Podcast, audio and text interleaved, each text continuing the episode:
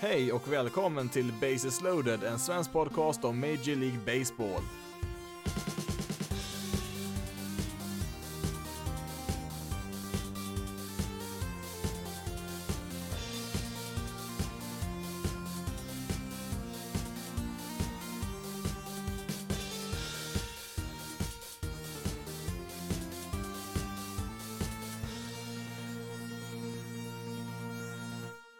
Och välkommen till Bases loaded, en svensk podcast om Major League Baseball. I det här avsnittet så blir det en lite närmare titt på National League Central, alltså lagen Chicago Cubs, Pittsburgh Pirates, Cincinnati Reds, Milwaukee Brewers och St. Louis Cardinals. Men innan vi kommer till de lagen där ska vi kolla på lite nyheter från veckan som gick. Here we go. Oh, watch this. There's, there's win, boys. There's win. There's win. There's win. He's right. He's gonna He's score. right. There's win. Come on.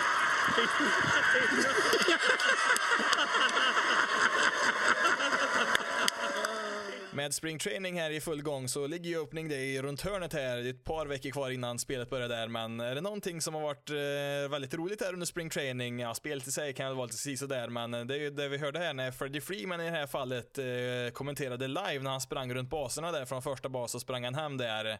Och det är då ESPN som har fortsatt med sitt initiativ med att placera mikrofoner på vissa spelare på planen under pågående matcher med möjlighet då att kommunicera mellan spelare och kommentatorer samtidigt där och eh, ja, det har ju gett en hel del intressanta stunder där spelare kan ja, skämta och prata lite om allt möjligt där och eh, ja, kanske allra mest intressant är då möjligheten att eh, få höra när de kommenterar vad de själv gör på planen där som vi hörde då när Freeman här springer iväg. Specifikt så var det då Marcelo Zuna som är ny lagkamrat där med Freeman i Atlanta Braves. Eh, han slog iväg en pop-up här som under vanliga omständigheter hade varit ganska lätt att plocka ner där för försvaret. Men som Freeman påpekade när han eh, sprang runt baserna där och flämtade lite grann, eh, det var ju att det blåste ju en hel del så att Eh, vinden tog ju tag i den där bollen och eh, gjorde så att den trillade ner på gräsmattan ändå då och eh, ja, Freeman kunde ju sprinta runt där från första bas hela vägen till hemplattan där så att ja, det har ju varit några sådana här tillfällen under spring training som har stickit ut lite extra så där spelare kan som sagt kommentera exakt vad de gör på planen vilket vi aldrig får reda på annars så under vanliga matcher. Eftersom att det bara är spring training så mm, gör det inte så jättemycket om en spelare eventuellt skulle störas lite grann då mitt i spelet då med en extra röst där i örat. Eh, men eh, ja, det lär väl inte hända i riktiga matcher än så länge i alla fall. Men eh, ja, det har ju varit väldigt populärt. Det har det ju varit bland fansen så, så att i slutändan så kanske finns en liten, liten chans att det skulle kunna hända i framtiden även i riktiga matcher. Så här långt så har det ju bara varit i spring training då och nu gjorde väl det även i förra All-Star-matchen där och som också var väldigt populärt så att jag skulle nog inte säga att det är helt omöjligt att vi kan få se det i, i MLB på en, i en riktig match någon gång, eh, men eh, ja, det lär väl dröja ett tag i så fall. Eh. Det skulle väl i så fall kanske inte behöva vara varje match så, någon gång- då och då skulle ju duga det med, absolut. Det skulle vara en väldigt unik upplevelse man får som tv-tittare då och det är nog svårt att få till det i andra sporter än baseball. Eh, I alla fall då lagsporter då, för att eh, en baseballmatch så har ju en struktur som gör att det är fullt möjligt att genomföra det här då det finns liksom lite tid mellan varje pitch att prata där och eh, ja, varje spelare är ju dessutom inte alltid involverad även när bollen sätts i spel så att eh, det finns ju ändå liksom tid och möjlighet att göra det även om jag förstår att eh, det kanske inte är optimalt när man försöker tävla och vinna en match så. Jag förstår väl om det finns eh, motstånd eh, mot den här idén från själva lagen då, men eh, jag tycker ändå att det borde ligga lite grann i spelarnas egna intresse att det tillåter det för att få ut deras personligheter där till fansen som de annars har lite svårt med kan jag tycka. Spelarintervjuer före och efter matcher är ju i regel väldigt, väldigt tråkiga, men att få en liten kort intervju så här under matcher, ja, det har ju varit väldigt intressant så här långt i alla fall. Om jag skulle få önska en regeländring så skulle jag absolut eh, önska att eh, tv-bolagen faktiskt får rättigheten att sätta en eh, mikrofon och hörsnäcka på spelare under delar utav en match där även då i grundspelet då. Det skulle ju faktiskt lyfta upplevelsen ganska rejält där, men ja, jag får väl nog inse att det kanske bara är en dröm där för att jag tror nog det ska mycket till innan de faktiskt godkänner det i matcher som faktiskt räknas. Vi fortsätter med eh, lite nya kontrakt som har skrivits här under veckan. Jag nämnde ju för en vecka sedan där att eh, det eventuellt blir lite nya kontrakt här under spring training som skrivs på och eh, ja, vi har ju ett par profiler här som har gjort det och ja, nu är väl en, en större profil än den andra, men det är ju två duktiga spelare i alla fall här, Christian Jelic och John Moncada som har skrivit på här och blir ju kvar en lång tid framöver då i respektive lag då om inte de tradas bort här nu under, under deras kontrakt.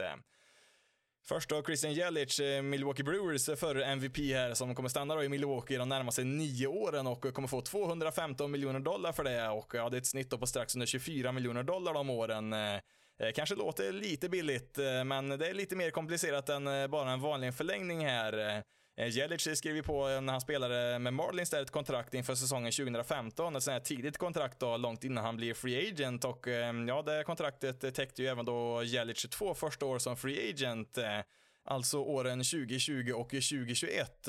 Ja, med andra ord så hade ju Jelic redan, redan kontrakt då de närmaste två åren. Plus att det även fanns en klubboption för säsongen 2022 där, så att eh, även innan den här nya förlängningen så hade han ju kontrakt i minst tre år till.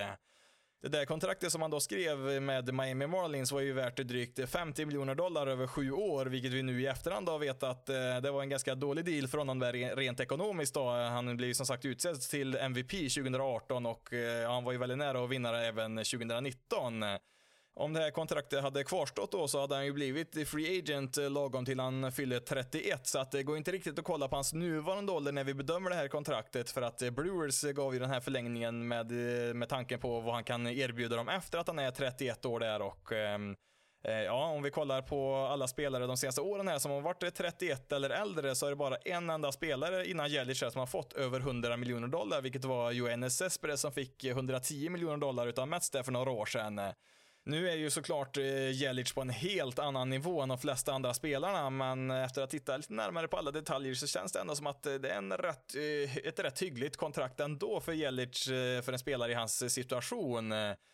Hade han inte skrivit på den där förlängningen med Marlins i 2015 där så hade han ju varit free agent då i vintras som sagt och ja, efter en MVP-säsong 2018 när han lyfte Brewers hela vägen till en match 7 där i NLCS eh, så följde han ju sen upp det med en MVP-värdig säsong även förra året där. Eh, hade han inte skadat sig där på slutet av säsongen så kanske han hade vunnit den också och eh, Ja, hade han då varit free agent här då i vintras så hade ju Jelic med stor sannolikhet fått över 300 miljoner dollar istället då, men tajmingen gör ju att det blir en 100 miljoner dollar mindre minst där tänker jag. Exempelvis då Anthony Rendon här i vintras. Han fyller ju 30 här i år. Han fick ju då 245 miljoner dollar som free agent och eh, då har ju faktiskt Jelic varit snäppet vassare än Rendon de senaste åren där och eh, Jelic han fyller ju faktiskt 30 först till vintern 2021 så att eh, Jelic hade nog fått ännu lite mer pengar än vad Rendon fick här nu i vintras.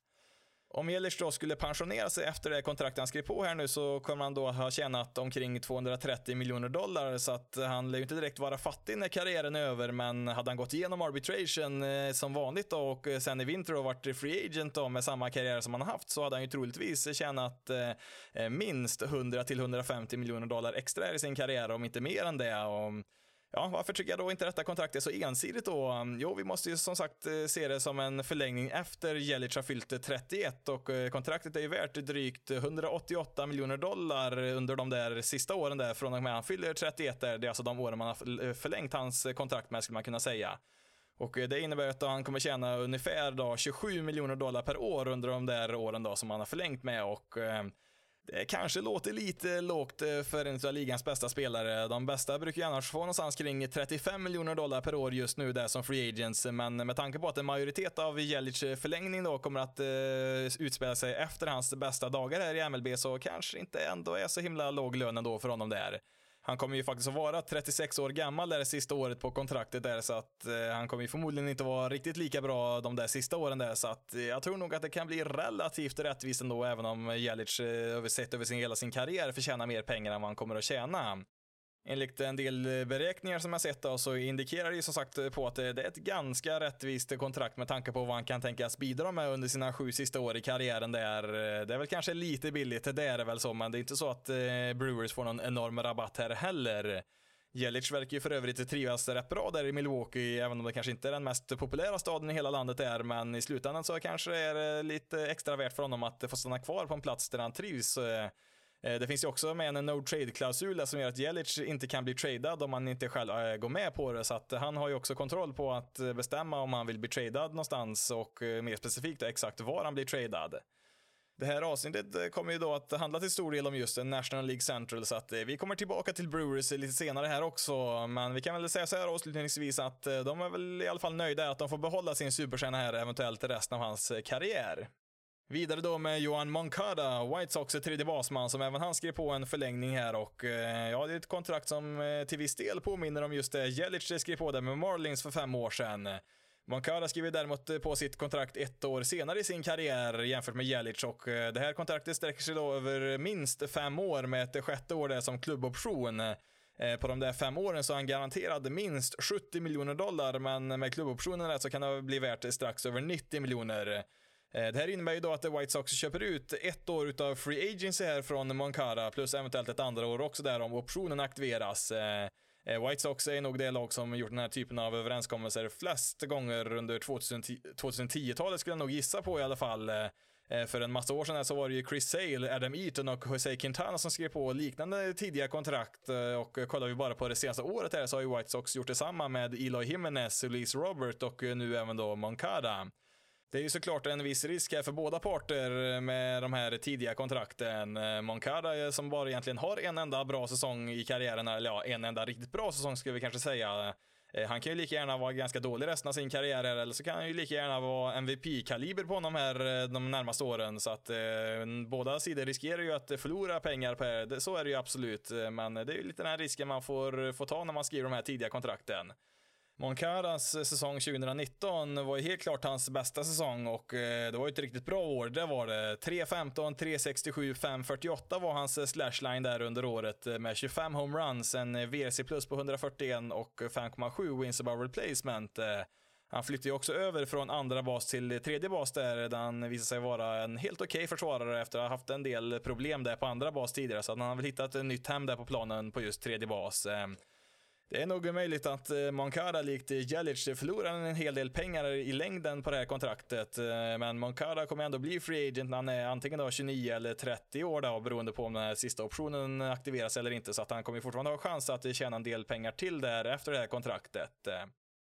det var kanske lite överraskande ändå att han skrev på det här kontraktet för att eh, när han eh, skrev på som internationellt prospect då som eh, tonåring där så fick han en enorm bonus där på över 30 miljoner dollar där. Det var innan de ändrade reglerna för hur man fick skriva på med internationella prospects där så att Eh, Eh, han hade ju en ganska stor summa pengar på banken redan där, men eh, ja, nu får han ju som sagt eh, minst 70 miljoner till garanterat där, så att det kan man väl inte klaga på heller där och jag tycker nog att White Sox fick till en rätt bra deal här också, så att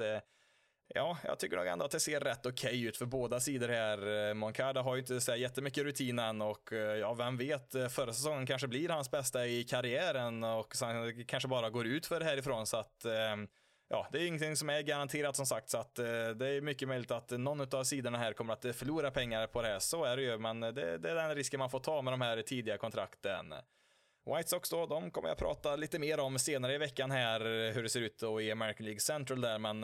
ja, de har ju flera unga spelare nu under kontroll, är relativt billigt och de bör ju kunna vara slagkraftiga här nu under ganska många år framöver, så att det kan bli ett intressant lag att följa White Sox här de närmaste åren.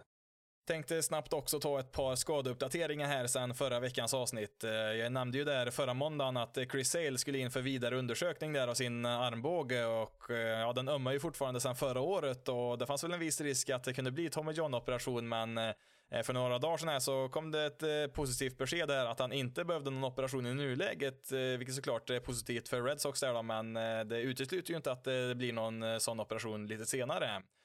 De hittar väl någon sträckning där i något eh, ligament i armbågen, men eh, det blir alltså då vila som medicin här till en början. Han ska väl eventuellt få kasta lite bollar lite lätt här fram och tillbaka under den här veckan och ja, sen kommer de väl gå vidare därifrån beroende på hur han reagerar på det.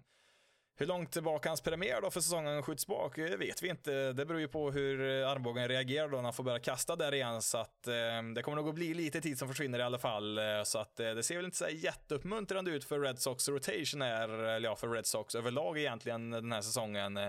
de ser ut att få klara sig dels utan Chris Sale vid opening day och ja, David Price är också borttradad till Dodgers där så att deras rotation är ju lite skadeskjuten just nu måste vi ändå säga. Jag nämnde ju också förra veckan Aaron Judge, eh, Yankees outfielder, som, eh, ja man visste ju inte riktigt vad problemet var med han där. Han har ju inte spelat någonting alls här i, i spring training, men nu har han äntligen fått en diagnos som, som säger att han har en stressfraktur på ett revben. Eh, med andra ord så kommer han inte vara redo för spel vid opening day och tydligen så ska det här ha skett i en match redan i höstas, men det dröjde då alltså tills nu innan de upptäckte det här. Nu är det väl tydligen väldigt svårt att hitta just den här typen av frakturer, men det känns väl också lite knepigt att det skulle ta så här lång tid att hitta den. Men ja, Yankees får nog som sagt klara sig utan Judge då när säsongen drar igång. Sen exakt hur länge, det vet vi inte i nuläget.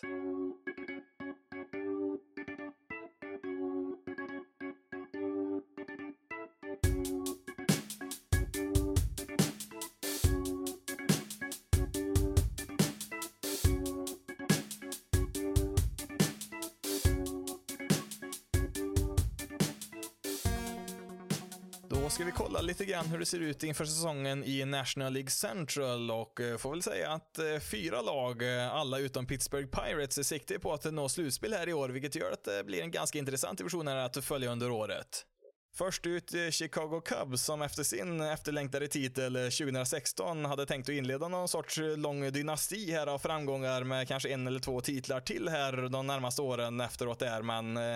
Ja, riktigt så blev det ju inte och eh, det har väl eh, snarare gått ut för det här de senaste två åren här i alla fall. Och trots det så har man ju valt att vara ganska snåla med plånboken här och inte direkt eh, vilja spendera på sin roster som har sina brister. Trots att man då har all den här extra publiken som har kommit till den senaste tiden då, som betalar dyra pengar för de här biljetterna och ja, dessutom har man ju startat en helt ny och egen tv-kanal som ska generera massa extra pengar där. Så att, att pengar, det har man absolut där från ägarnas sida, men Ja, under den här vintern då till exempel så har man gett ut totalt eh, fyra Major League-kontrakt då till Danny Winkler, Ryan Tepera, Steven Sousa Jr och Jeremy Jeffress. Ehm, visst, det finns väl en och annan användbar spelare där, det finns det absolut, men det är inte direkt ett tecken på ett storsatsande lag heller då som har sina brister som sagt där. Och Ja, då kanske man kan kontra med att eh, Houston Astros då, de har ju inte heller gjort några större nyförvärv under vintern och ehm, ja, det är ju faktiskt sant det med, men Astros roster är ju tillräckligt bra redan där. De spelar ju som sagt i en World Series förra hösten där, så att eh, det är inte så att de hade speciellt många brister till en början där. Cubs samtidigt då, de vann ju 84 matcher förra året och missade slutspel och ehm, ja, Cubs och Astros är ju två ganska olika lag när man kollar på vart deras roster befinner sig just nu.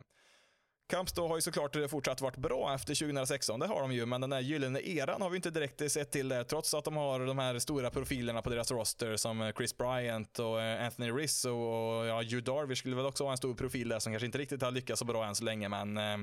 Ja, alltså kan vi inte säga att de har varit jättesnåla. Det är väl lite att ta i här de senaste åren. Deras payroll ligger faktiskt i toppen av ligan och eh, de har ju utöver det också genomfört enorma renoveringar av Wrigley Field och ja, deras eh, den här nya tv-satsningen då som de håller på med just nu kommer ju inte att eh, börja generera pengar eh, redan från dag ett, utan det kommer ju ta lite tag innan det kommer igång där också, men det är ändå ett lag med en del brister där som, ja, de har inte gjort en enda stor värvning på två år här nästan. Visst, Craig Kimbrell fick man väl in här i somras då, han kan väl räknas med där, men annars har det varit ganska tyst där på just den fronten. Cubs har ju mer eller mindre använt den här lyxskattegränsen som finns eh, som ett hårt lönetak. Alltså lyxskattegränsen, eh, det är alltså då en, en finansiell gräns som man har satt där, ja, den ändrar sig väl lite grann från år till år. I år tror jag sen ligger den på mm, ja, 208 miljoner dollar och har man löner som överstiger den gränsen så får man betala en, en viss straffavgift då till de andra lagen då för att man är över den gränsen där för att inte vissa lag ska kunna spendera hur mycket som helst. Det är väl tanken då i alla fall.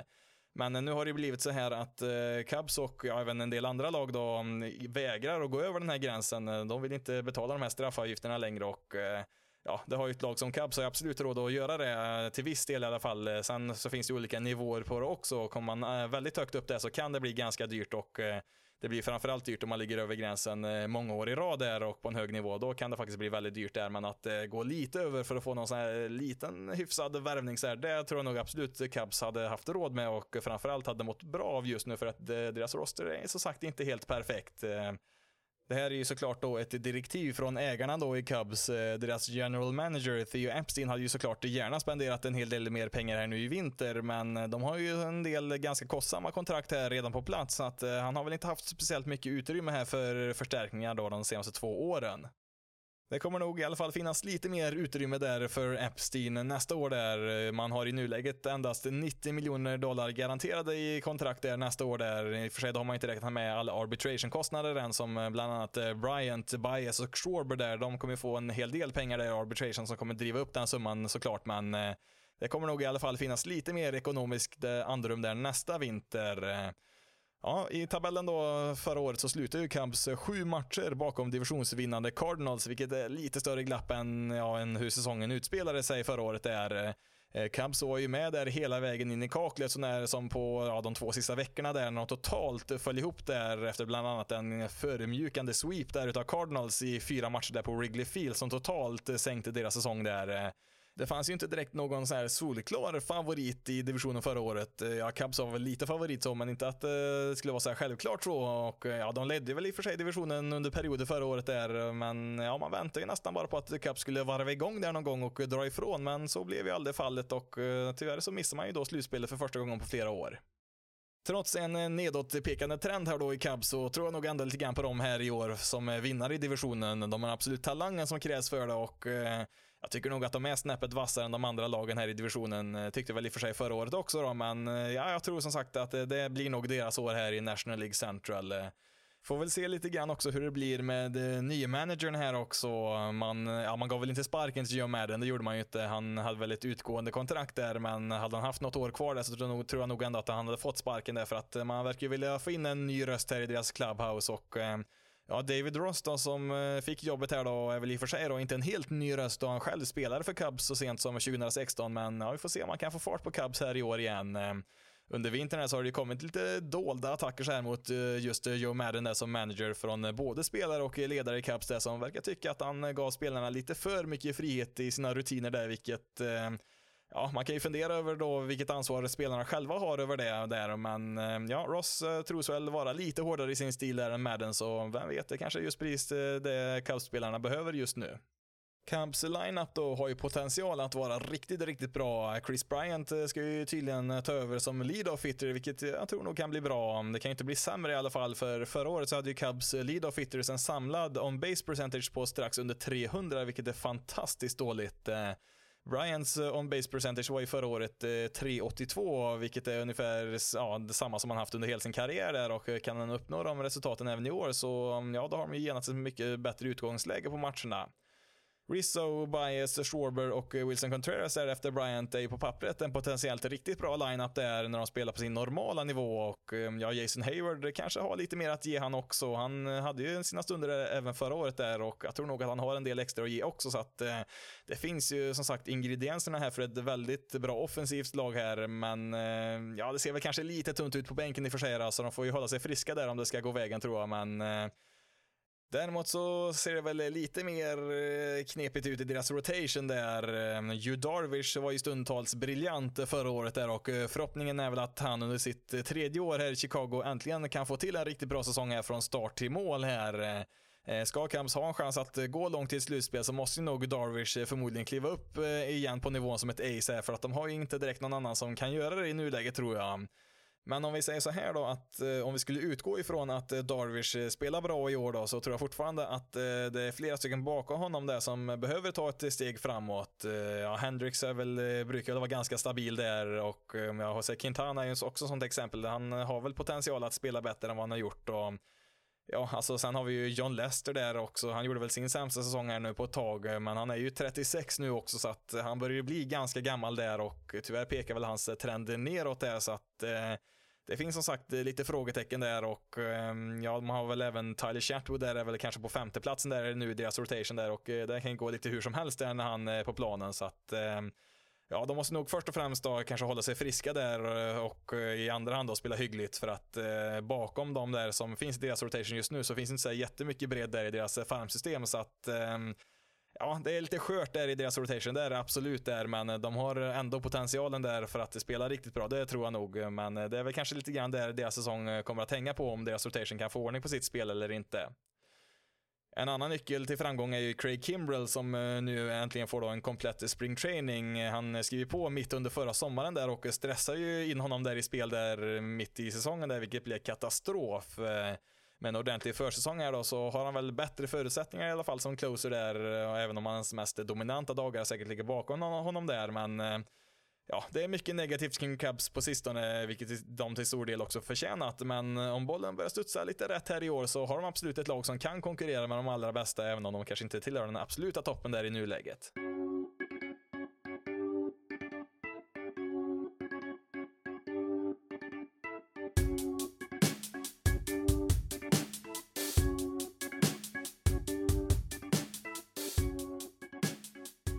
Pittsburgh Pirates är ju det lag som inte räknar med att vara slagkraftiga i år. De har väl i och för sig inte genomfört någon komplett rebuild än så länge, utan de flesta finns ju kvar sedan förra året, då, inklusive en del rätt hyggliga spelare. Eh, Neil Huntington som var lagets general manager i över tio år eh, fick ju till slut eh, lämna sin position här efter ganska stora framgångar där i början av sin tid i Pirates där. Det var ju han som byggde upp det lag som tog Pirates tillbaka till slutspelet där för första gången på över 20 år. Det var väl 2013 jag tror jag första gången de gick till slutspel där och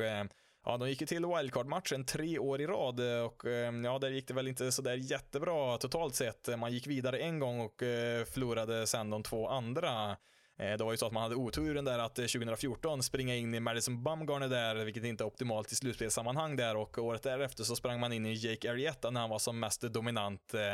Och ja, både Ariette och Bumgarner kastade ju en complete game shutout i de där wildcard-matcherna mot Pirates där, så att eh, ja, lite otur hade man väl där också då, men ja, sen 2015 då så har de inte varit i slutspel då och eh, eh Ja, det närmaste man har varit att ens vinna divisionen, eh, det är ju 13 matchers eh, luckor det har varit som minst då sen 2015 där, så att det har ju varit några lite sämre år på sistone här för Pirates. Ny general manager blev ju då Ben Sherrington som senast hade samma position i Red Sox. Ja, det var väl några år sedan han fick sparken från, eh, från dem där, men nu har han då samma position då med Pirates här då och eh, man valde ju att dessutom då sparka ut eh, Clint Hurdle, deras manager, som också har varit med där ganska länge i Pirates. Så Ja, man ersatte honom med Twins benchcoach Derek Sheldon och det kommer nog att dröja ett litet tag här nu med den här nya ledningen här att komma på banan här igen och ja, man såg här under vintern när man tradade bort eh, Starling Marte, en av deras eh, bättre spelare där mot Prospects. Eh, det var en ganska tydlig signal på hur de ser årets säsong här när de inte tänker att det var speciellt slagkraftiga som sagt. Det finns ändå fortfarande en del profiler kvar här som kan vara trade-kandidater. Josh Bell på första bas har ju i och för sig tre år kvar på sitt kontrakt, men när det är något Pirates har gjort väldigt mycket de senaste åren här, det är ju att trada sina stjärnor innan free agency. Eh, kan ju bara kolla på Andrew McCutcheon och Garrett Cole här de senaste åren. De tradades ju bort eh, innan de blev free agents. Och, mm, ja, om Chris Archer där återvänder till sin vanliga form där i deras rotation så kan ju eventuellt han också försvinna här innan deadlinen. De andra lagen då i divisionen eh, siktar ju på första platsen och eh, det innebär ju att vill man vinna divisionen i år så måste man också vinna en hel del matcher mot Pirates då som är det sämsta laget i divisionen här och ja, det laget som har ett losing record mot The Pirates kommer nog inte att kunna vinna National League Central, så det innebär ju att motståndarna absolut kommer gå 100% i de här matcherna också, även om de eh, anser att The Pirates är ett lite sämre lag. Spelarna att ha koll på då, det är väl framförallt eh, Brian Reynolds och Mitch Keller som eh, båda var rookies förra året. De är ju så pass unga så att de lär väl inte tradas bort i första taget här. Eh, Reynolds då i deras outfield var ju riktigt bra där och eh, var ju ett tag med där i kampen eh, om säsongens batting title där i National League. Om han skulle spela på samma nivå i år så är han en potentiell All-star där som de har fått fram och ehm, Ja, när det gäller Mitch Keller så, mm, ja, han är ett väldigt lovande pitching prospect där. Han fick ju totalt 11 starter där med nästan absurt dåliga resultat där när han spelade med Pirates. Hans ERA hamnade ju strax över 7, men hans eh, FIP och XFIP var ju mellan 3 och 3,5 där, vilken är en enorm skillnad. Eh, eh, FIP är ju en statistik som försöker bedöma en pitchers prestation utan att behöva förlita sig på försvarsspelet bakom pitchen där, utan man, man räknar bort viss statistik där och ja, även om det inte finns någon absolut sanning i den där statistiken så brukar FIP vara en ganska bra indikator på framtida prestationer jämfört med ERA i alla fall. Det är såklart mer avancerat än så, men kort kan man ju säga att eh, om en pitchers eh, FIP är mycket lägre än hans ERA, som det var i det här fallet, så lutar det mot att eh, den här pitchen då kommer vara bättre framöver. Om en pitchers FIP istället är mycket högre än hans ERA så bör prestationen då bli sämre framöver. Det, ja, det är som sagt ingen absolut sanning det här, men det brukar gå åt det hållet, vilket indikerar att Keller nog kommer kunna vara ganska bra, i alla fall bättre än vad han var förra året. En annan sak som talar för Keller, det är ju hans extremt höga BABIP, alltså batting average on balls in play är en förkortning för och jag tror jag nämnde det någon gång förra året där och eh, ja, BABIP är alltså då hur ofta en boll som sätts i spel trillar ner för en hit. Eh, man räknar alltså bort alla strikeouts och homeruns och så och räknar bara med de här bollarna som eh, faktiskt landar någonstans på planen då och ehm, ja, ungefär 30% av de bollarna som eh, hamnar någonstans ute på, eh, ja, någonstans på planen eh, brukar trilla ner för en hit och ja, alltså då en BABIP på 300 brukar man säga då, 30%. Calories BABIP då i sina MLB-matcher förra året var 4,75 eller då alltså nästan 50% av tillfällena som en boll gick i spel då när han kastade trillade ner för en hit, vilket är helt absurt.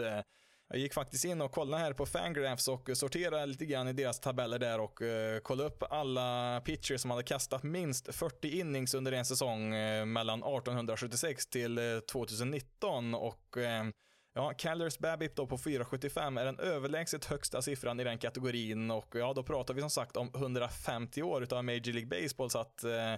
jag är nog ganska säker på att vi kan säga att Keller hade lite otur förra året och att det kommer gå lite bättre den här säsongen. Om vi då spinner vidare på Pirates rotation här så var ju den bedrövlig förra året. Eh, ingen starting pitcher med någorlunda eh, regelbunden speltid där hade ju en ERA under 4,5 och och eh, ja, en sån som Jamison Tyon där, han skulle ju, var ju tänkt att han skulle ta nästa steg här mot att bli ett ace här, men han åkte ju på en Tommy John-operation istället här i somras, vilket gör att han förmodligen inte kommer spela någonting i år alls. Chris Archer är en sån pitcher som bara måste vara bättre i år. Eh, det var ju han som kom i en trade där från Tampa Bay Rays där 2018 och eh, det, i nuläget ser det väl ut att eh, kanske vara den sämsta traden på tio år tänker jag minst. Eh, eh som sagt, han måste ju bara kasta bättre i år. Han gjorde ju sin sämsta säsong i karriären förra året där, hade ju stora problem där med sin kontroll där, missade ju strikezonen ganska ofta där och tillät väldigt mycket walks där och ja, han såg väl ja, allmänt vilsen ut där ibland, men eh, med tanke på hur bra han har varit så finns det väl ändå goda möjligheter att han skulle kunna komma tillbaka här och eh, ja, jag har sett att några kanske har nämnt att han skulle kunna vara en kandidat till årets comebackspelare comeback-spelare då om han kommer tillbaka i någorlunda bra form här. Han har ju som sagt varit riktigt bra några år tidigare här så att Ja, alltså om både Keller och Archer då skulle kunna kasta bra i år och ja, då även Brian Reynolds där fortsätter att utvecklas och ja, Josh Bell också är på första bas får vi inte glömma bort om han skulle slå lika bra under ett helt år som han gjorde under första halvan förra året så tror jag nog att eh, Pirates, eh, ja det är inget slutspel vi pratar om här, men de kan undvika ett totalt fiasko i år i alla fall. Eh, de har ju även en lovande tredje basman, Brian Hayes, som säkert kommer komma upp i år och kan bidra en del. Hans försvarsspelare ska tydligen vara grymt bra, men behöver väl utveckla sin offensiv lite mer där innan riktigt redo. Och, ehm, Ja, vi kan väl säga så här att eftersom att eh, de övriga fyra lagen i divisionen försöker att eh, ta första platsen här så kommer det säkert bli lite extra förluster i år för Pirates som eh, inte är på den nivån som de är där, men eh, jag tror nog ändå att det finns eh, tillräckligt med talang och potential här att de ska kunna ha chansen i alla fall eh, till att inte vika ner sig totalt här och eh, kanske undvika att eh, förlora 100 matcher. Jag vet inte om det är så jättepositivt att ha ett mål att inte förlora 100 matcher, men ja, det blir tufft, eh, men jag tycker inte att Pirates eh, tillhör de absolut sämsta lagen i ligan just nu. Det tycker jag inte.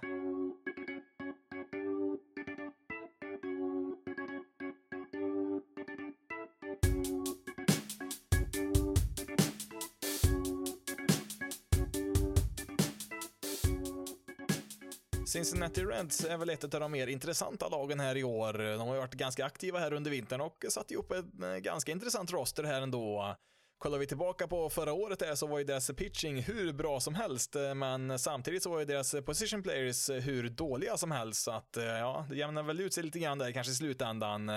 Men ja, det var ju egentligen bara en slagman här som var godkänd offensivt förra året. Deras tredje basman är Eugenio Suarez som med 49 homeruns var tvåa i den kategorin förra året då i hela MLB. Visst, vi ska väl kanske inte glömma Aristides Aquino som under augusti månad slog ut varenda boll ur arenorna där ett tag, eh, men han spelade ju i och för sig bara också en tredjedel av säsongen där, så att eh, ja, under en så kort tid så kan ju även en eh, medioker spelare vara ganska bra, så att han har väl lite mer att bevisa här med andra ord under 2020. Inte ens eh, förmodade Hall of Famern Joey Votto lyckades speciellt bra förra året. Eh, han är ju en före detta MVP här som såg en kraftig nedgång av sin produktion redan 2018, men var ju trots allt eh, fortfarande ganska bra det året. Men ja, 2019 så var ju hans VRC plus 101, alltså prick genomsnittlig var han offensivt förra året, vilket vi inte är vana att se, men han är ju nu 36 år gammal, så att det är väl kanske inte så jättekonstigt ändå då, med tanke på åldern där. Förhoppningsvis så finns det väl lite kvar att ge där hos eh, kanadensaren som annars haft en väldigt fin eh, karriär där, men det vore ju tråkigt här om han eh, tappar sina förmågor precis här när Reds börjar bli bra igen. Men som sagt, Reds har ju då shoppat loss lite grann här i vinter för att lösa de här offensiva problemen. Främst då genom Nick Castellanos och Mike Mustaka som jag pratade om lite grann för en vecka sedan där och båda de här två skriver på för fyra år och 64 miljoner dollar vardera där och ja, Castellanos hade väl också typ tre olika sorters optioner där inbakade i sitt kontrakt som var en ganska komplicerad historia, men eh, Ja, just Castellanos då får vi ju då räkna med det största lyftet offensivt här. Han var ju stekigt där efter han tradades till Cubs i somras här och eh, visar ju att han kan vara riktigt värdefull trots sin ganska dåliga defensiv. Eh, nu ska det väl inte vara riktigt så stort problem defensivt i år för honom här. Han kommer nog få spela i right field här i år igen och ja, han kommer nog aldrig vara någon bra försvarare. Det kommer han nog inte att vara, men han har ju också tvingats byta position flera gånger, vilket såklart eh, tar tid att anpassa sig till där. Och eh, nu har han ju faktiskt eh, spelat om det är hans tredje eller fjärde år nu som han får vara i right field. Så att ehm, ja, förra året så såg det väl ändå förhållandevis okej okay ut där för honom där, så att det borde väl inte vara något jätteproblem i år heller då när han har fått ytterligare något år där med rutin, så att ja, när vi ändå pratar om att byta position så ska ju då Mike Mustakis då, som senast var i Brewers, byta från tredje bas till andra bas i år då, där han är ganska oprövad. Han kommer väl inte kanske bidra med sådär jättemycket offensiv, det gör han väl inte, men brukar ändå producera rätt stabilt där, så att eh,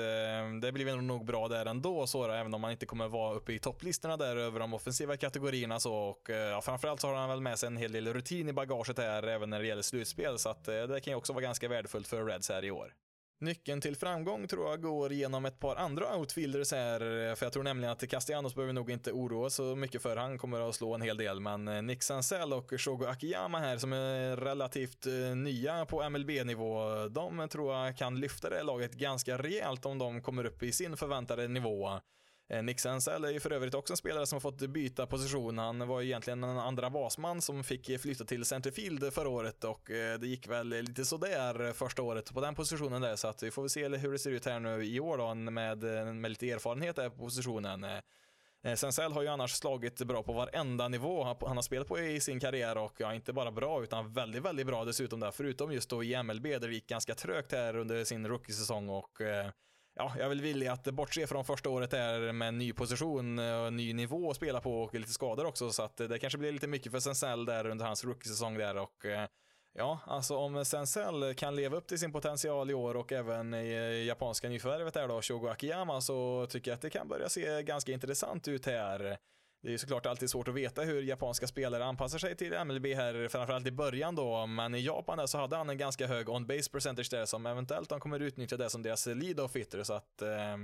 Ja, de har i och för sig också väldigt många outfielders i övrigt då, förutom Senzel, eh, Akiyama och Castellanos där, så att eh, de har ju potentialen att ha ett ganska starkt outfield här i år och eh, ja, de har väl så många så att kanske någon till och med får börja säsongen där i AAA, men eh, ja, de kommer nog att mixa en del spelare där beroende på höger och vänsterhänta pitcher som de möter det, så att eh, ja, eh, deras outfield är jag inte så jätteoroad över där, utan eh, den största svagheten är väl då kanske i så fall i deras lineup på shortstop, Freddie Galvis där som Ja, han klarar väl den positionen helt okej okay och kan väl slå rätt hyggligt också. Hade väl en 23 homeruns förra året där, så att, men jag hade hellre sett honom som en utility infielder där, lite backup istället där och istället eh, kanske letat någon uppgradering där under vintern för honom istället. Eh, jag tror väl i och för sig man eh, försökte få in Didi Gregorius där som free agent, men han skrev ju på för Phillies istället, så att man försökte väl i alla fall där, men Ja, alltså Reds lineup ser ju betydligt bättre ut än vad den gjorde förra året där, så att jag tror nog att det finns potential att spela rätt bra här och framförallt om ett par andra spelare här från förra året kan rycka upp sig lite grann där, framförallt Joey Votto då, om han kan spela lite bättre där så ser det genast mycket bättre ut där. Men med det sagt så är det lite tunt där om de drabbas av skador. De har ju som sagt en del bredd i sitt outfield där, men på övriga positioner där så är de rätt tunna där, så att eh, det är nog bäst att de håller sig ganska friska i år där bland deras position players. Reds pitchers var ju som sagt fenomenala förra året och eh, fick också lite förstärkning här i vinter utav Wade Miley som har ett par fina säsonger bakom sig här i senast i Brewers och Astros. Och eh, ja, både Luis Castillo och eh, Sonny Gray kastar ju stundtals lika bra som eh, de bästa i ligan här och ja, Trevor Bauer som eh, de tradade till sig förra året är förra årets satsning här har ju potentialen att vara ett ace även han där, även om det gick lite tungt här efter traden då till Cincinnati. Med en springtraining här så tror jag nog att Bauer har bättre förutsättningar att komma upp på ungefär samma nivå som Castillo och Gray där och han är ju ett exempel på en pitcher som är bra att ha i laget oavsett hur bra han är på planen. Eh, Bauer är ju extremt intresserad av pitchteknik och eh, experimenterar konstant med olika grepp och eh, typer av kast, vilket gör att han också kan lära ut dem till sina nya lagkamrater här och Ja, han har ju hjälpt många att förbättra sitt spel, bland annat förre lagkamraten i Indiens Mike Clevenger, säger att mycket av hans framgångar är på grund av just Bauer, så att även om Bauer inte skulle göra sin bästa säsong här nu i år så kan han faktiskt vara väldigt värdefull bara genom sin närvaro där kring övriga pitchers i laget. Reds är väl inte på något sätt solklara favoriter till första platsen i divisionen eller ens en wildcard-plats då för slutspel, men eh, de har i alla fall möjligheten att nå dit. Eh, de har ju byggt om här i ganska många år nu och eh, fått uppleva väldigt många förluster längs vägen här, så att Ja, allt det här förlorandet har ju lett fram till den här säsongen då, där de ska ge sig in i kampen och förhoppningsvis så lönar det sig för, för Reds här, för att det, det är ju roligare i MLB när de här lagen som försöker att satsa mot toppen är att de också belönas för det och ja, jag håller tummarna lite grann här för Reds i år att de äntligen får komma till slutspel.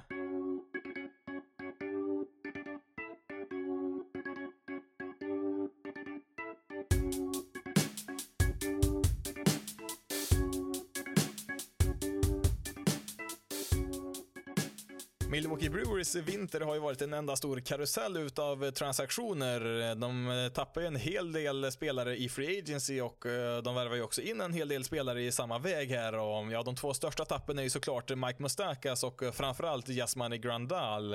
Eh, Grandal är ju nog MLBs bästa catcher just nu och jag tycker det verkar lite konstigt att de inte kunde matcha White Sox erbjudande till honom där, 73 miljoner dollar på fyra år. Det är ju ungefär samma snittlön som han tjänade med Brewers förra året när han var så bra där, så att ja, lite fundersam till varför de inte kunde matcha det, men eh, Ja, i och för sig nu när vi vet att Christian Jelic fick sin kontraktsförlängning här så kanske det förklarar en del att de ville spara lite pengar till det kontraktet istället. Men jag tycker ändå att eh, de skulle kunna klämma in honom här också på deras payroll här. Det hade gjort Brewers betydligt bättre i år i alla fall. Istället så tradar man till sig Mariners catcher Omar Narvaez som eh, i och för sig då är riktigt duktig han också med slagträet där och eh, kan nog matcha Grandals offensiva produktion men eh, saken med Grandal är att han dessutom är riktigt duktig defensivt vilket Narvaez verkligen inte är så att visst man kanske kan utveckla hans framing lite grann där Narvaez där i Brewers men man kan nog glömma att de kommer få samma kompletta paket som Grandal erbjöd förra året. I övrigt så har man värvat in en rad olika, mm, ja, hyggliga namn får vi väl säga på alla möjliga positioner där. Det är spelare som Avasail Garcia, Keon Broxton, Ryan Healy, Eric Sogard, Justin Smoke, eh, Logan Morrison, Jed Jerk och Brock Holt är väl några namn där bland deras position players som de har värvat där. Och, eh, Ja, det är ett himla hopplock där med spelare som har haft, eh, ja, mer eller mindre lyckade karriärer i MLB. Det är väl lite blandad kompott där. Eh, framförallt på första bas är det väl ut att kunna bli ganska trångt där som det ser ut just nu. Framförallt när de inte heller har någon tillgång till någon designated hitter där i National League. Eh, man har ju då Logan Morrison och Justin Smoke där som absolut måste spela på första bas. Eh, de hör ju inte hemma på någon annan position där och ja, Ryan, Ryan Healy kan väl spela lite på tredje bas också då, men eh, Ja, sen har vi även då Ryan Braun som redan är i laget här. Han börjar ju bli lite gammal här och eh, man har väl sagt från Brewers sida att de gärna ser honom spela lite mer på första bas istället för i left field där, så att eh, där har vi ytterligare en spelare som kanske ska klämmas in där på första bas. Eh, visst, nu har ju Eric Thames lämnat här under vintern. Han spelar ju där på första bas tidigare, så att det är en lucka där, där absolut. Men de lär väl inte behöva en tre, fyra stycken där, så vi får se lite grann hur deras roster ser ut här vid opening day. För att jag har mycket svårt att tro att alla de där namnen kommer att finnas med på deras roster då. Ärligt talat så är det ju väldigt många budgetalternativ där för deras infield eh, kombinerat med de spelarna som redan finns här och eh, jag tänkte ju säga att det bara finns en spelare jag litar på här, Kesten Hera, men han har ju också en del frågor kring sig där. Eh, hans rookie-säsong var ju riktigt bra där, men han eh, drog väl lite väl lite eh, walks och lite väl mycket strikeouts var det också där och samtidigt var det då det här med Babip igen då. Det gäller ju även slagmän då, att de har ju oftast inte speciellt mycket högre Babips än 300 då, alltså 30 procent. Keston Heras Babip förra året var ju på 400, alltså 40 procent, vilket inte är hållbart i längden där, så att eh, kan nog tänka mig att han tar något kliv bakåt här i år, men bör ändå vara en av deras bästa infielders där. Ja, alltså när jag tittar på Brewers roster så vet jag inte riktigt hur de gör det här, men de senaste två åren så har ju Brewers överpresterat den roster som de har. Summan blir på något sätt större än de enskilda delarna här, så de är väl duktiga på att bygga en roster som eh, kan spela bra tillsammans som ett lag, men eh, trots att jag har det i bakhuvudet här så är jag lite skeptisk till hur de ska få det här att eh, gå ihop här i år. Christian Jelic kan ju såklart kompensera för en eh, hel del brister i det här laget, eh, men eh, bortsett från honom där i right field så ser väl inte heller deras outfield så jätteimponerande ut. Lorenzo Kane där spelar väl i och för sig väldigt mycket småskadad nästan hela året här förra året. Men ja, han spelar i och för sig då 143 matcher i centerfield där så att han bet väl ihop ganska rejält där skulle jag kunna tro. Men ja, produktionen som slagman var ju faktiskt ganska dålig där. Eh, kanske inte kan räkna med att han är lika bra som 2018 när han var fantastiskt bra där första året i Brewers där, men eh, ja, han behöver höja sig en del jämfört med förra året i alla fall där, vilket inte är självklart. Han börjar bli lite gammal här. Han fyller väl 34 här om någon månad så att eh, eh, han har väl kanske tappat också lite snabbhet där så att eh, det blir intressant att eh, se hur, vilken nivå Kane kommer att ligga på här i år för att han kan ju vara en väldigt bra spelare för dem här i år och jag tror nog att de behöver honom på en ganska hög nivå med tanke på hur resten av laget ser ut. Istället för Ryan Braun då så lär väl Avacel Garcia få en del speltid i left field där. Braun har ju haft den positionen ganska länge där, men eh, ja, Garcia lär väl nog ta över en del där och han kan väl slå ganska bra så, det kan han väl, men eh, Ja, alltså mm, man ska väl inte tvivla på Brewers allt för mycket heller, för de har ju på något sätt lyckats de senaste åren här med lite tveksamma lagbyggen, så att eh, de kan absolut få ihop det på något sätt. Eh, det tvivlar jag inte på, men jag tror nog inte att eh, de kommer att göra det om jag ska vara helt ärlig. När jag tittar på deras pitching så ser jag väl lite samma problem. Eh, Brandon Woodruff där känns ju som en rätt bra etta där i deras rotation. Är väl inget ace, det är han väl inte, men han är en bra pitcher. Det har, han varit de senaste åren i alla fall. Men eh, efter honom så är det väl lite av ett eh, lotteri. Adrian Hauser var ju rätt bra förra året där, men han var ju också en reliever i stora delar av 2019. Eh, Brett Anderson har de värvat in här som är ja, ganska stabil, det är han väl. Och eh, Josh Lindblom där som inte har startat en match i MLB sedan 2014 kommer nu tillbaka då från Sydkorea, vilket är ett ganska osäkert kort där. Och eh, sen tradar man även till sig Eric Lauer från Padres och ja, han duger väl säkert som deras nummer fyra eller fem. Och Ja, okej, okay, visst. Eh, jag kanske kan sträcka mig till att det kan vara en okej okay rotation här nu när jag sitter och kollar på deras depth chart här, men eh, det känns också som att en hel del kan gå fel här och jag vet inte riktigt om de har någon speciellt mycket bredd för att eh, ersätta någon av de här när de blir skadade. De har ju inte något speciellt bra farmsystem längre så att ehm, Ja, nu har de väl i och för sig också en väldigt bra bullpen då som kan kompensera för en del av det då, men med de nya septemberreglerna så kan det nog ställa till en hel del för Brewers här i år. Tidigare så fick man ju kalla in eh, upp till 15 extra spelare på sin roster i september månad, men från och med i år då så får man bara kalla in två extra spelare i september. Eh, Brewers hade ju inte nått slutspel varken 2018 eller 2019 utan en enorm slutspurt där i september månad båda de åren där, vilket till stor del kan förklaras med deras utökade bullpen. Managern här, Craig Council, har ju varit otroligt bra på att växla relievers där som en galning i september eh, de senaste åren här och eh, ja, med större roster så kunde de hela tiden slänga in nya fräscha armar eh, varje dag de här sista veckorna på säsongen där. Men nu begränsas de ganska kraftigt av de här nya reglerna, vilket kanske också kommer drabba Brewers mer än något annat lag, för de utnyttjar det här verkligen till max, gjorde de tidigare här och ja, som sagt, utan en bra septembermånad så hade de missat slutspel de två senaste åren här, så att eh, Nej, jag förblir nog eh, ganska skeptisk till Brewers chanser i år. Jag tror nog att de kan vara med där och skugga lagen i toppen här i divisionen, men eh, ja, jag tror nog i slutändan att de kommer att missa slutspel här och de har ju gått till slutspel två år i rad här, men ja, 2020 tror jag nog det tar stopp här så får de nog eh, satsa på nästa år istället.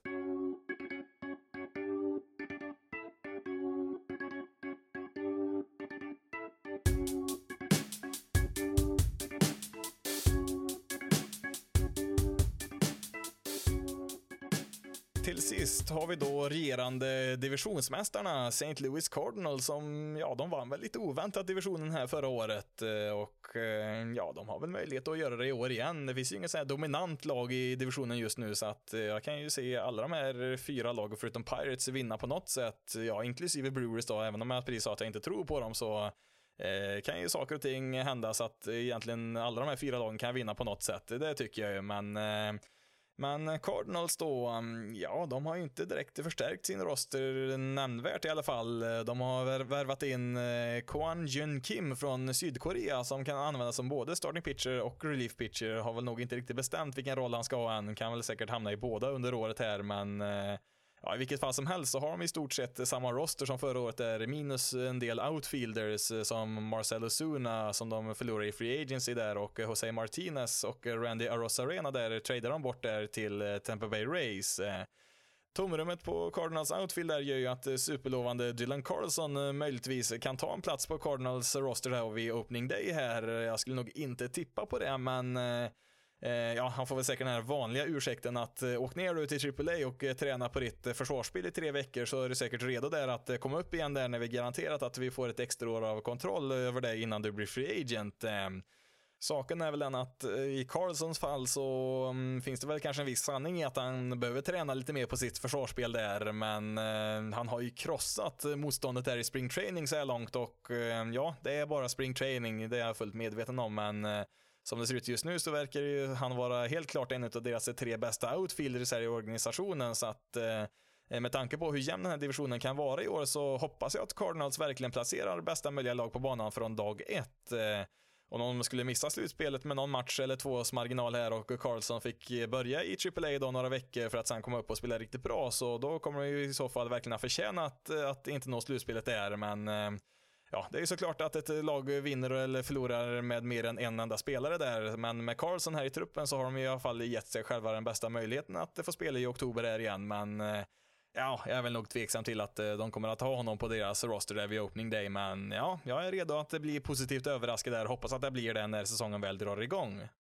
Men vem vet, eh, jag kritiserar ju deras front office ganska rejält där förra året när de inte värvade in någon eh, pitcher där innan trade deadline, vilket visade sig vara ett eh, ganska smart drag då deras rotation var grym där mot slutet. Så att det är ju självklart att deras front office vet mer än mig här, men med tanke på succén som Pete Alonso, Chris Paddock och Fernando Tatis Jr hade förra året där när de var med redan från opening day där som rookies så hoppas jag att trenden fortsätter även i år då att åtminstone några lovande prospects Eh, får chansen här från dag ett på säsongen där utan att eh, manipulera deras service time. Så att, eh, ja, vi får se vad Cardinals hittar på där med Dylan Carlson. Framförallt för Cardinals här i år så behöver de rycka upp sig rejält offensivt jämfört med förra året och de fick väldigt lite att stämma där. Ingen spelare hade en VRC plus över 110, alltså ingen spelare var mer än 10% bättre än genomsnittet som slagman där i MLB förra året, vilket inte är hållbart för ett lag som vill vara med i toppen. Eh, ja, ta med, men hade väl en eh, VRC plus på den 120 där någonstans, men han spelar ju också bara drygt en halv säsong där, så får väl se om man kan eh, visa samma takter här i år då, när han får spela en hel säsong då. Marcelo Zuna har ju som sagt lämnat och han var väl en av deras eh, bättre offensiva vapen förra året där och eh, ja, Paul Goldschmidt skrev på ett nytt kontrakt där för ett år sedan och var väl stundtals bra men han hade väl ändå säkert en av sina sämsta säsonger i karriären.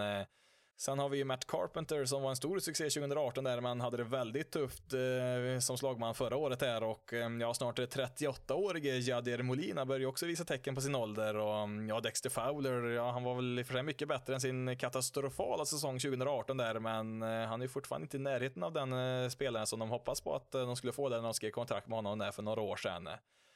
Jag tror nog inte att de kommer få så dålig utdelning offensivt i år igen här, även om de har i stort sett samma spelare. Det, det finns ganska många på denna roster som eh, måste skärpa till sig däremot då, men eh, jag tror nog inte att det kommer vara riktigt eh, så tungt offensivt här, men ehm, Ja, skulle det vara det i år igen så blir det nog svårt att nå slutspelet här för andra året i rad. De lyckas ju ändå som sagt förra året, men det var ju mycket på grund av att deras starting pitchers var fantastiskt bra där, framförallt under andra halvan av säsongen där. Främst så var det ju Jack Flaherty där som förmodligen var MLBs bästa pitcher andra halvan på säsongen där. Han var ju helt gudomligt bra där och han hoppas väl fortsätta på det spåret här även i år.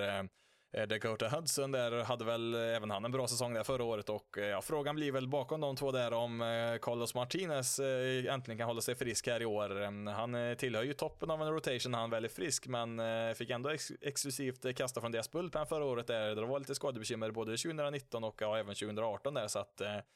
får han hålla sig frisk där så ser det ju rätt bra ut i alla fall där i deras rotation. Sen så får vi väl se vad eh, trotjänaren Adam Wainwright kan bidra med i år. Han eh, fick ju ett eh, ettårskontrakt till här. Många trodde väl att han var slut redan förra året där, men kastade ändå oväntat bra där 2019, så att vi får väl se om han har något att ge även här i år. Avslutningsvis då så tror jag nog att de säkert hänger med lagen där i täten i divisionen, men ja, alltså skulle deras offensiv harva lika mycket som förra året är så tror jag det blir svårt att överkomma det hindret för andra året i rad här. Men om saker och ting eh, går deras väg här så kan jag nog eh, ändå se dem få spela i oktober. Det tror jag nog att det finns möjligheter i det och eh, när man väl är med i slutspel så kan ju vad som helst hända. Det är ju bara att se på Cardinals förra året. Braves var ju stora favoriter där i första omgången där, men Cardinals besegrade dem där och ja, nu var det ju tvärstopp sen där i NLCS däremot Nationals då, men allt man behöver är det att ta en plats i slutspel så kan ju vad som helst hända, men ja, om jag var tvungen att gissa här och nu så lutar jag nog eh, mot att de kommer att eh, precis missa en wildcard-plats där och eh, får nog stanna hemma i oktober. Då får det räcka där för detta avsnitt. Kommer vi fortsätta med ett till extra avsnitt även den här veckan då någonstans. Ja, det blir väl torsdag eller fredag det kommer ut. Det kommer ju handla om American League Central då och gå igenom den divisionen. Du kan även läsa om alla lagen lite mer detaljerat inför säsongen då om du vill ha mer än det jag säger här i podcasten. Eh, går in lite mer på exakt vilka spelare som kommer att spela var och sådär så att eh, det finns mer info på hemsidan basisloaded.se och eh, där publicerar jag varje dag då ett nytt lag då hur det ser ut inför säsongen där och har väl kommit lite drygt halvvägs nu och kommer fortsätta då till öppning day då så att det finns en hel del lag att läsa om och det kommer komma fler här i framtiden så att Eh, håll lite utkik där på hemsidan om du vill ha lite mer koll i mer detalj då om eh, varje lag. Du kan följa Basis Loaded på Twitter, Facebook och Instagram. Eh, då letar du upp Basis Loaded SE på de plattformarna. Du kan även mejla till basisloadedse gmail.com. Men nu har jag pratat tillräckligt för idag. Mitt namn är Jonathan Fabri. Tack så jättemycket för att du har valt att lyssna på det här avsnittet av Basis Loaded. Ni får ha det så bra där ute så hörs vi förhoppningsvis i nästa avsnitt.